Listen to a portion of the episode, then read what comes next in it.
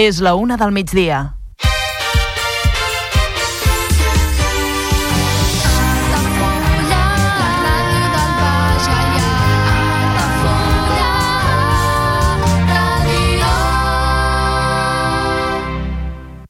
Altafulla Ràdio. Serveis informatius.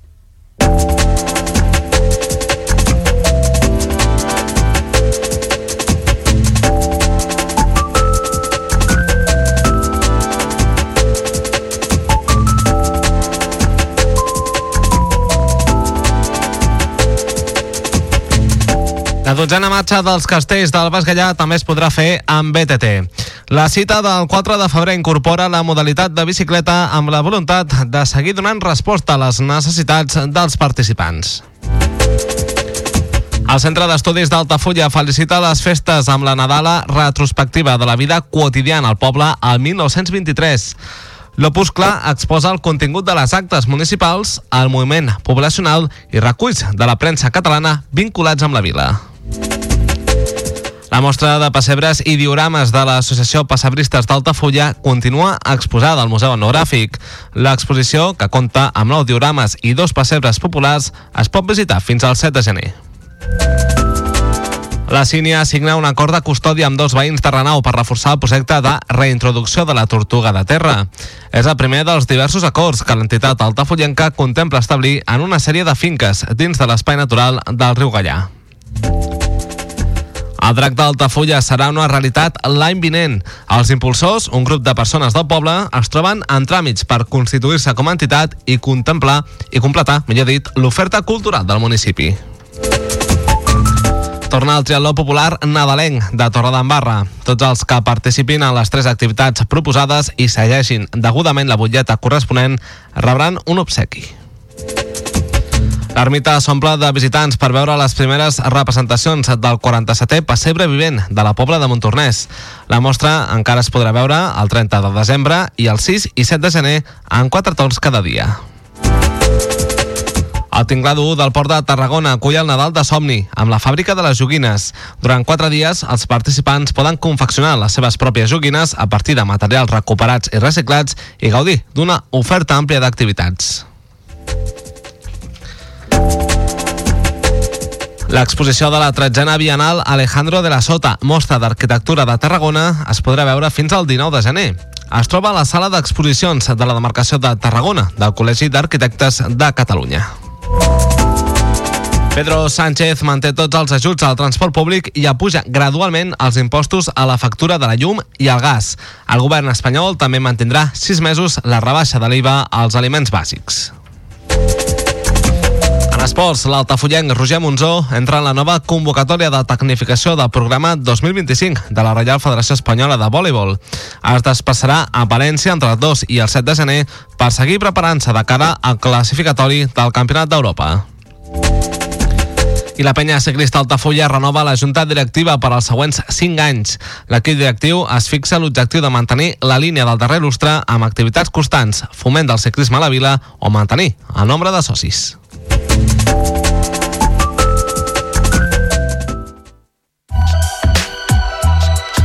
Altafulla Mar Hotel. Esdeveniments familiars, comunions, batejos i casaments i reunions d'empresa. Sales privades amb llum natural, terrassa i accés al jardí, des de 10 fins a 200 assistents. Altafulla Mar Hotel, el teu espai de confiança per a les teves celebracions familiars al barri marítim d'Altafulla. Demana pressupost sense compromís trucant al 977 65 11 55. Altafulla Mar Hotel. Altafulla Mar Hotel patrocina l'informatiu.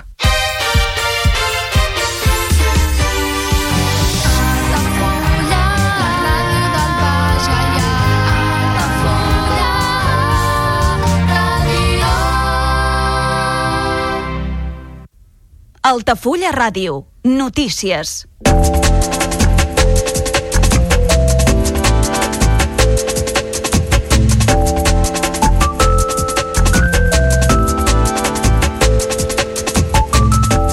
La sala de plens de l'Ajuntament d'Altafulla ha acollit aquest dijous 28 de desembre la presentació de la dotzena marxa dels castells del Baix Gallà, que tindrà lloc el diumenge 4 de febrer.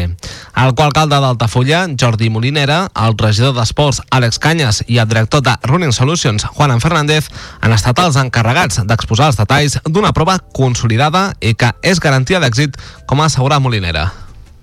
Bé, un any més reprenem un dels actes esportius d'Altafulla que, que té més renom i que el, molta gent, no només Altafulla, no el vagi allà, sinó tot el país, segurament, doncs, té reservat a l'agenda, la, no? que és la, la marxa als castells del, del Baix Gaià. Una prova que surt d'Altafulla, però que va recorrent doncs, diverses localitats de la nostra comarca, del Baix Gaià, amb un entorn doncs, natural eh, preciós com el que més i que convida doncs, a molts amics i amigues doncs, a fer aquesta, aquesta prova que no és competitiva i aquí sí que doncs, el veus més, més, amb, més amb ganes de, de competir, però que és una prova doncs, amb ganes de conèixer territori, de fer esport, d'anar doncs, caminant i corrent doncs, per, per Alta, no només per Altafulla, sinó per altres municipis de, de, del Baix Gaià. La principal novetat de la present edició és la incorporació de la nova ruta de BTT, com ha avançat l'edil responsable de l'àrea, Àlex Canyes. L'aposta segueix la línia de donar resposta a les necessitats dels participants, igual que es va fer fa dos anys enrere amb els corredors, la qual cosa fa que la prova sigui referent al territori, ha sentenciat cada any hem anat introduint eh, doncs, novetats, al principi només era caminant, eh, anys enrere vam introduir doncs, la, la part de, de trail, de córrer, no? doncs enguany eh, presentarem la, la nova ruta que és en BTT, en bicicleta, és a dir, doncs, que eh, els i les participants podran escollir entre tres modalitats, caminar, córrer i bicicleta. Estem molt contents doncs, d'això, no? d'anar introduint aquests canvis que eh, fa que aquesta prova doncs, sigui referent ja al, al territori. En aquest sentit, el director de la prova, Juan Fernández, ha remarcat la importància d'escoltar els participants. Igualment, ha ressaltat el turisme esportiu, en què s'amarca l'esdeveniment, i el retorn econòmic que suposarà per al poble, en unes dates de temporada baixa, destacant que un 34% dels gairebé 700 inscrits que hi ha a hores d'ara prové de fora de la província. Jo crec que és prou bonic veure que amb, una societat que tenim en el que bueno, volem tindre aquest, aquest 50% de sexe femení i masculí, sobretot en proves esportives, poques proves esportives arreu de, del nostre país, podem dir que tenem més del 30-40%, nosaltres superem ara mateix el, el 55% pràcticament estem tocant, en el qual és, és val a dir la importància de que també moltes dones es venen a visitar per la marxa castells. I jo crec que és un tema molt important, estem parlant del 4 de febrer, eh, el retorn econòmic que tindrà no només el, el roi econòmic, sinó també de l'impacte de marca d'Altafulla que amb un 4 de febrer que diem que la, la temporada és ben bé baixa, no? que no és ple d'estiu on tenim molta més, molt més turisme, el turisme esportiu fa aquest efecte, no? de que un 34% doncs, es visita de fora de la província, no només de la ciutat sinó de fora de la província, jo crec que és important Enguany s'han posat a la venda 1.000 dorsals, per tant, resten 300 i escaig perquè s'esgotin. El preu per als que facin la marxa caminant és de 23 euros, mentre que pels que la vulguin fer corrents o en bicicleta és de 26 euros. Per a més informació i inscripcions cal visitar el web www.marxacastells.com.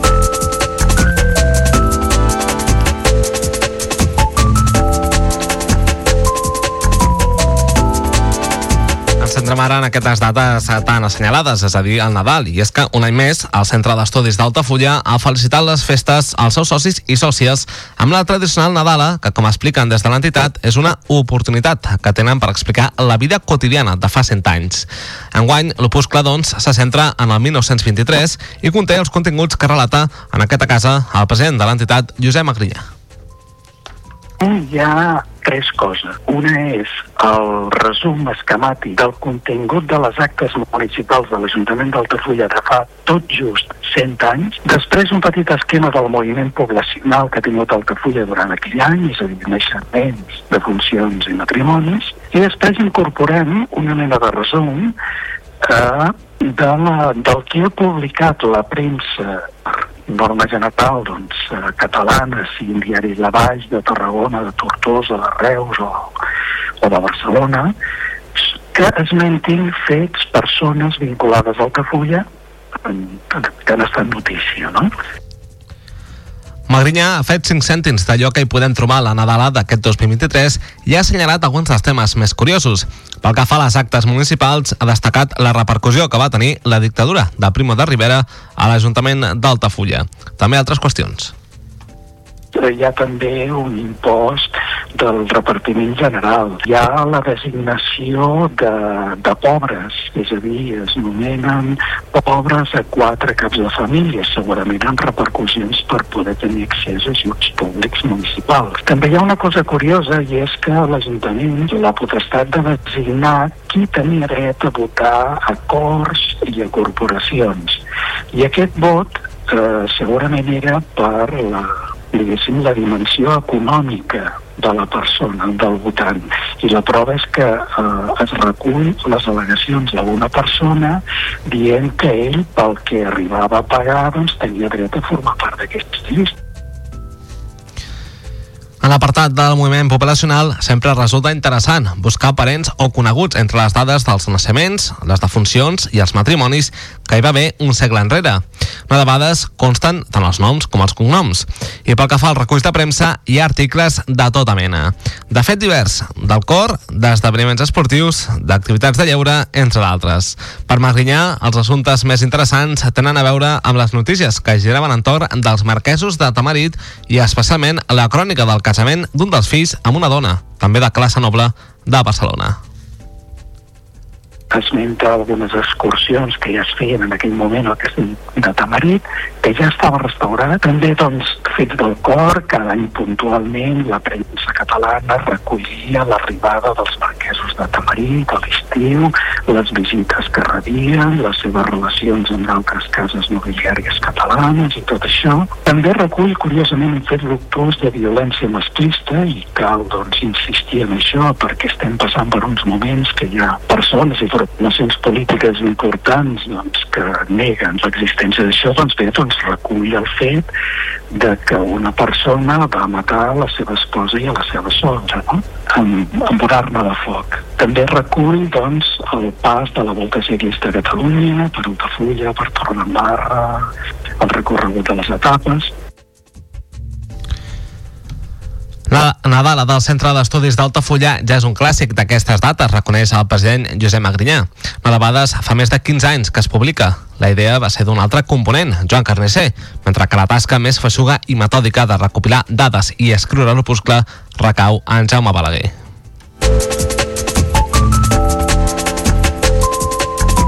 Seguim parlant del Nadal. La setena mostra de pessebres i diorames de l'Associació Passebristes d'Altafulla continua exposada al Museu Enogràfic a la Pallissa de l'Era del Senyor per delectar a tots els visitants i amants d'aquest element imprescindible de les festes de Nadal. La inauguració de l'exposició va tenir lloc el divendres 8 de desembre i des d'aleshores ha vingut força gent del poble i també de fora, com explica, satisfet, el president de l'entitat, Martí Ramírez. Els comentaris que han rebut també han estat positius i en aquest sentit assegura que no hi ha una proposta favorita, sinó que cadascú té les seves preferències.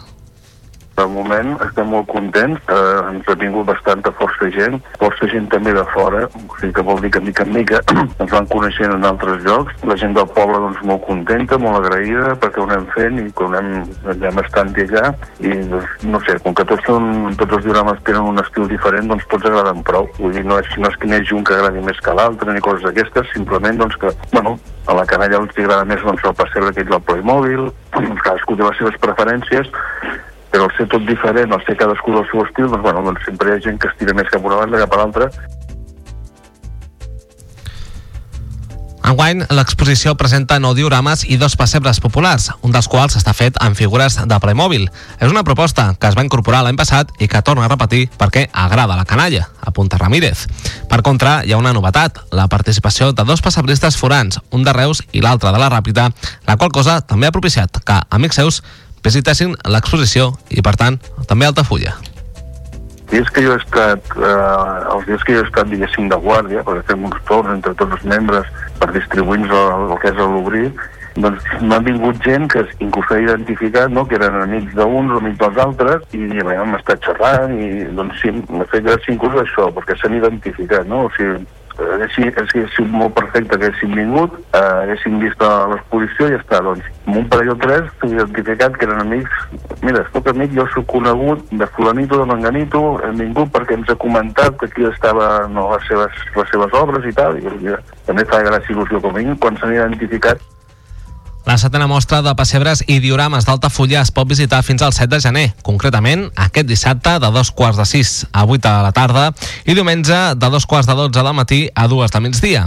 I el cap de setmana següent, només en horari de matí, precisament entre dos quarts de 12 i les dues. Des de l'Associació Passebristes d'Altafulla animen a visitar-la, aquells que encara no ho hagin fet, i es mostren oberts a rebre qualsevol persona que li agradi el món dels pessebres i vulgui sumar-se a l'entitat.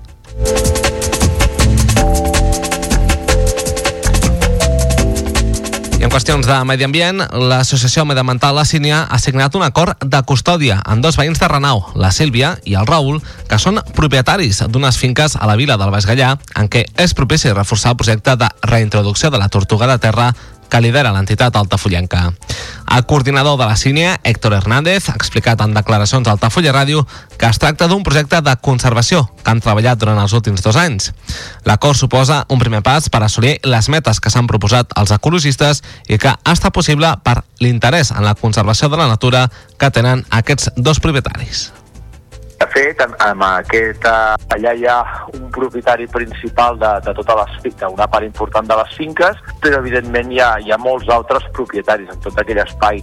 Uh, són sis municipis del Baix Gaià i, i l'Alt Camp, amb finques algunes molt interessants. I ara hem fet aquest pas amb, aquest, amb aquests propietaris, amb la, la Sílvia i el Raül, que són propietaris de, d'unes finques a l'entorn d'una zona de la goleta de, de Renau, que creiem que és molt interessant en el marc d'aquest projecte de conservació de la tortuga de terra, i ja fa uns mesos doncs, que, que parlàvem amb ells,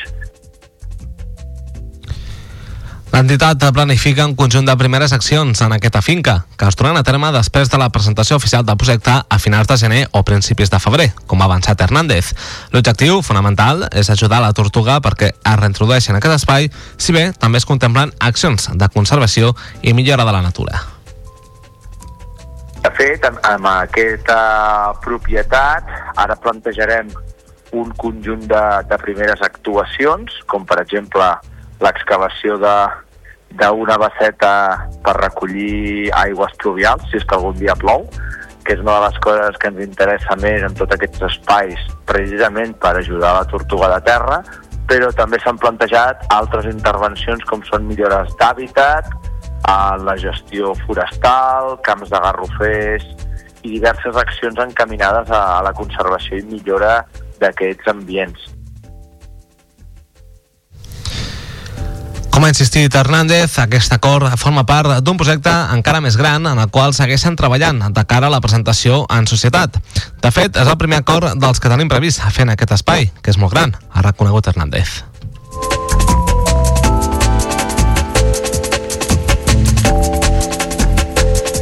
I a la plana cultural, Altafulla comptarà a partir de l'any vinent amb una nova entitat de folklore cultural català, concretament de l'àmbit del foc i la pirotècnia, el drac d'Altafulla. Encara no hi ha cap fotografia que ens ajudi a visualitzar com serà, però els responsables sí que tenen clar que ha de representar la figura d'un drac, atès que cada vegada hi ha més bèsties alternatives que s'allunyen dels seus orígens. Els impulsors de l'entitat són un grup de persones del poble que tenien ganes de comptar amb un element com aquest, igual que el tenen altres pobles de la contornada com Torredembarra, la Pobla de Montornès, la Riera de Gallà o el Catllà. És l'únic que ens faltava per completar l'oferta cultural del municipi, expliquen en declaracions a aquesta casa, destacant el paper dels castellers, els diables i el gat, els bastoners i els gegants i grellers. A hores d'ara es troben en ple procés dels habituals tràmits burocràtics per constituir-se en entitat, uns tràmits que han quedat aturats per les festes de Nadal i que es reprendran a partir de gener. Mentrestant, continuen treballant en altres temes importants com el logotip i els colors de l'entitat, que serviran de base per als vestits que lluiran. Avancen que el negre tindrà un pes important i que els manca un altre color per combinar-lo com el groc o el vermell, sense descartar cap altre. En declaracions a aquesta casa, els responsables expliquen que tenen pendents reunir-se amb l'Ajuntament d'Altafulla per donar-los a conèixer el projecte i veure quina subvenció podrien rebre. La idea és estrenar el drac per Sant Joan i que a partir d'aquí formi part de totes les activitats que es facin al poble, com la Festa Major Petita, la Festa Major de Sant Martí, entre d'altres, asseguren. Igualment, mantenen converses amb altres colles de la demarcació per fer intercanvis i actuar també de fora.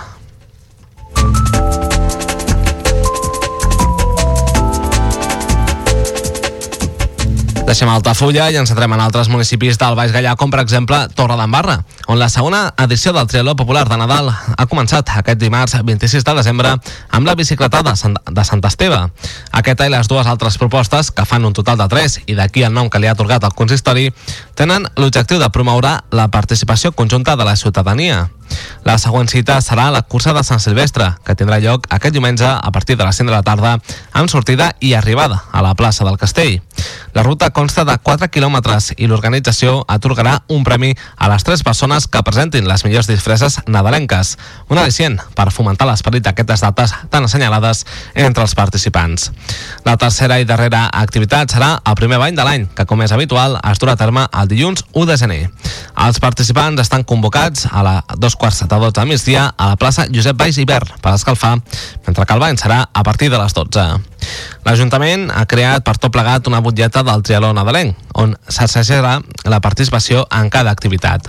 L'obsequi per participar al trialó s'ho tindrà entregant a la butlleta degudament sallejada a partir del 2 de gener a l'oficina de turisme o al pavelló municipal de Sant Jordi.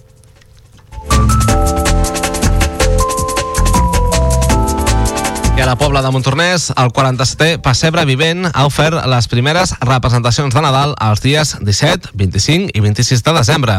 Uns dies en què l'entorn de l'ermita de la vila s'ha omplert de visitants per viure una de les cites ineludibles en el calendari nadalenc del Baix Gallà i de la demarcació de Tarragona.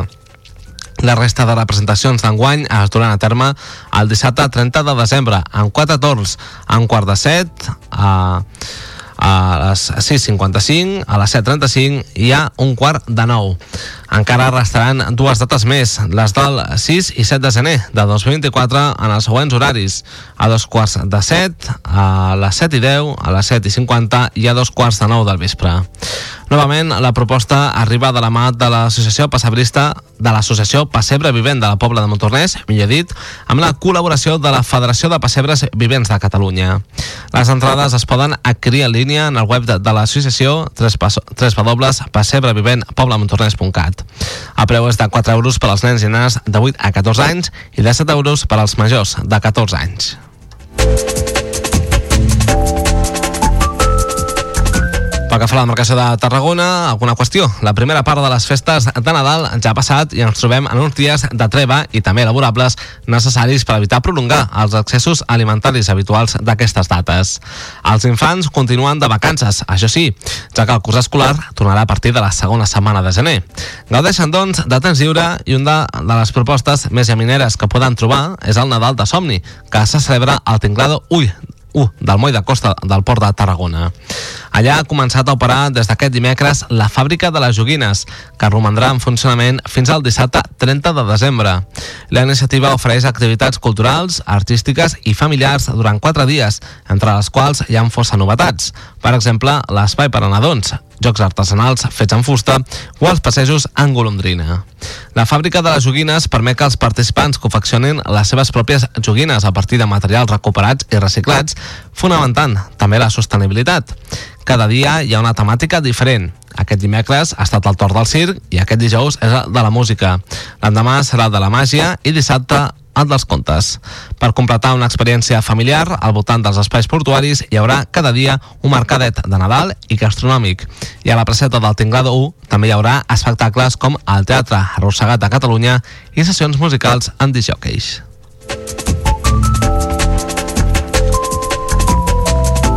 En cultura, l'exposició de la tretzena Bienal Alejandro de la Sota, mostra d'arquitectura de Tarragona, es podrà veure fins al 19 de gener a la sala d'exposicions de la demarcació de Tarragona del Col·legi d'Arquitectes de Catalunya, al carrer Sant Llorenç, 2022 de Tarragona.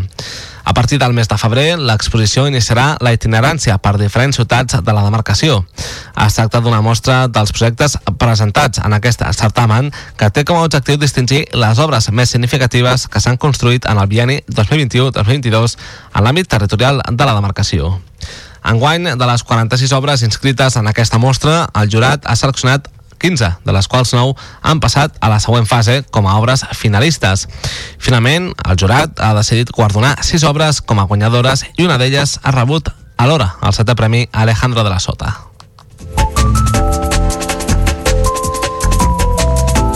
I a nivell de país, el govern espanyol ha acordat aquest dimecres mantenir durant el 2024 els ajuts i descomptes al transport públic.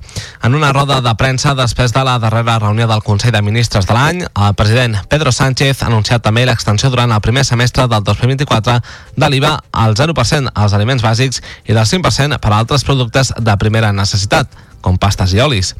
D'altra banda, l'executiu ha acordat anar recuperant gradualment les taxes a la factura de l'electricitat i el gas durant els següents sis mesos. L'IVA del gas recuperarà els valors normals a partir del mes de febrer, passat ja al període d'hivern, ha detallat Sánchez. Pel que fa al transport, s'estén durant el 2024 la gratuïtat pels usuaris freqüents de ferrocarrils, rodalies, mitjana distància i avant, així com el servei públic de transport regular de viatgers per carretera de competència de l'Estat. Precisament, l'Estat preveu allargar els ajuts a la mobilitat a través de la col·laboració amb les administracions locals. S'estendrà tot l'any l'aportació de l'Estat a les comunitats del 30% dels bitllets interurbans, condicionada, com fins ara, a que aportin, com a mínim, el 20% per assolir el descompte mínim del 50% de l'abonament, com ha indicat i ha sentenciat el president Pedro Sánchez. I encetem directament la plana esportiva. El jugador de voleibol d'Altafulla i de l'infantil del Cebol Torredembarra, Roger Monzó, ha tornat a ser convocat per a la següent sessió de tecnificació del programa 2025 que impulsa la Reial Federació Espanyola de Voleibol. Concretament, l'altafullenc es desplaçarà a Palència per dur a terme els entrenaments entre el 2 i el 7 de gener de 2024. Monsó és un dels vuit esportistes catalans que han estat citats en la convocatòria entre la branca masculina i femenina. Així, la catalana és la delegació a més representants. Cal recordar que el programa 2025 culminarà amb la participació del Combinat Estatal en el classificatori per al Campionat d'Europa de Voleibol, que tindrà lloc al gener de 2025. De moment, l'altafollenc Roger Monzó és un dels jugadors que té més números per assistir a la cita continental i ara té tot un any per certificar-ho amb el seu treball diari en el seu Torre d'Embarra i les convocatòries que pugui tenir també amb la Federació Catalana de Voleibol. I abans de resoldre aquest informatiu, parlem de la penya ciclista Altafulla que ha tancat del 2023 amb la sortida prenadal celebrada el passat diumenge en què una cinquantena de ciclistes van desplaçar-se en bici fins a Salamó per desitjar-se les festes com a pertoca. La següent cita serà ja el 7 de gener per inaugurar la nova temporada i començar a fer mèrits per rebre els obsequis en la diada de final de curs. Prèviament, al novembre, es va celebrar l'assemblea de socis i sòcies per passar comptes, veure què s'ha fet en el darrer any i què està previst per al següent. Igualment, tocava renovar la junta directiva i aquesta tornarà a estar formada pels mateixos integrants que en els últims cinc anys, com ha explicat precisament el president Ildefonso Cuesta en una entrevista al Baix Gasports després de l'assemblea anual que vam fer al novembre, no sé si havia parlat d'això, bueno, que s'ha renovat la, la Junta, s'ha renovat la Junta, bueno, suposo per dos motius, perquè no ho fem tan malament, tampoc és que hi hagi més opcions, no? però bueno, legalment s'havia de, de renovar i, i farem un període de sis anys més. Els objectius per al nou mandat estan ben clars i definits i impliquen seguir el fil dels últims 5 anys, és a dir, donar continuïtat a totes les activitats que es donen a terme durant l'any, seguir fomentant la pràctica del ciclisme entre els veïns i veïnes i mantenir o augmentar el nombre de socis i sòcies augmentar el número de socis possible, que enguany ho hem aconseguit també, eh, en comptes de perdre socis estem augmentant, continuant afavorint, eh, eh, ja sabeu que tenim un grup d'iniciació, eh, el grup d'iniciació que afavorint-lo perquè també gràcies a això se'ns estan incorporant noves sòcies dones ciclistes, això era un dels objectius que ens havíem marcat l'anterior mandat, no?, i que, i que continuarem en això i després el de l'escola infantil també és un, una bona ajuda per incorporar nens com a socis dintre de la penya. La penya ciclista Altafulla compta actualment amb més de 200 socis i sòcies, una de les que més en tenim a la zona, ha ressaltat Ildefonso Cuesta. I amb aquesta qüestió posem el punt final a l'informatiu d'aquesta casa, Altafulla Ràdio, al 107.4 de la freqüència modulada. Com és habitual, la podeu recuperar al web 3 w altafullaradio.cat, al seu i a la carta, i també a través de les xarxes socials, a Facebook, Altafulla Ràdio, i a Twitter, arroba Altafulla Ràdio. S'acomiada de vosaltres un servidor, Marc Pérez, que us ha acompanyat a la darrera mitja hora. Ens retrobem a properes edicions d'aquest informatiu. Fins aleshores, que vagi molt bé. A reveure.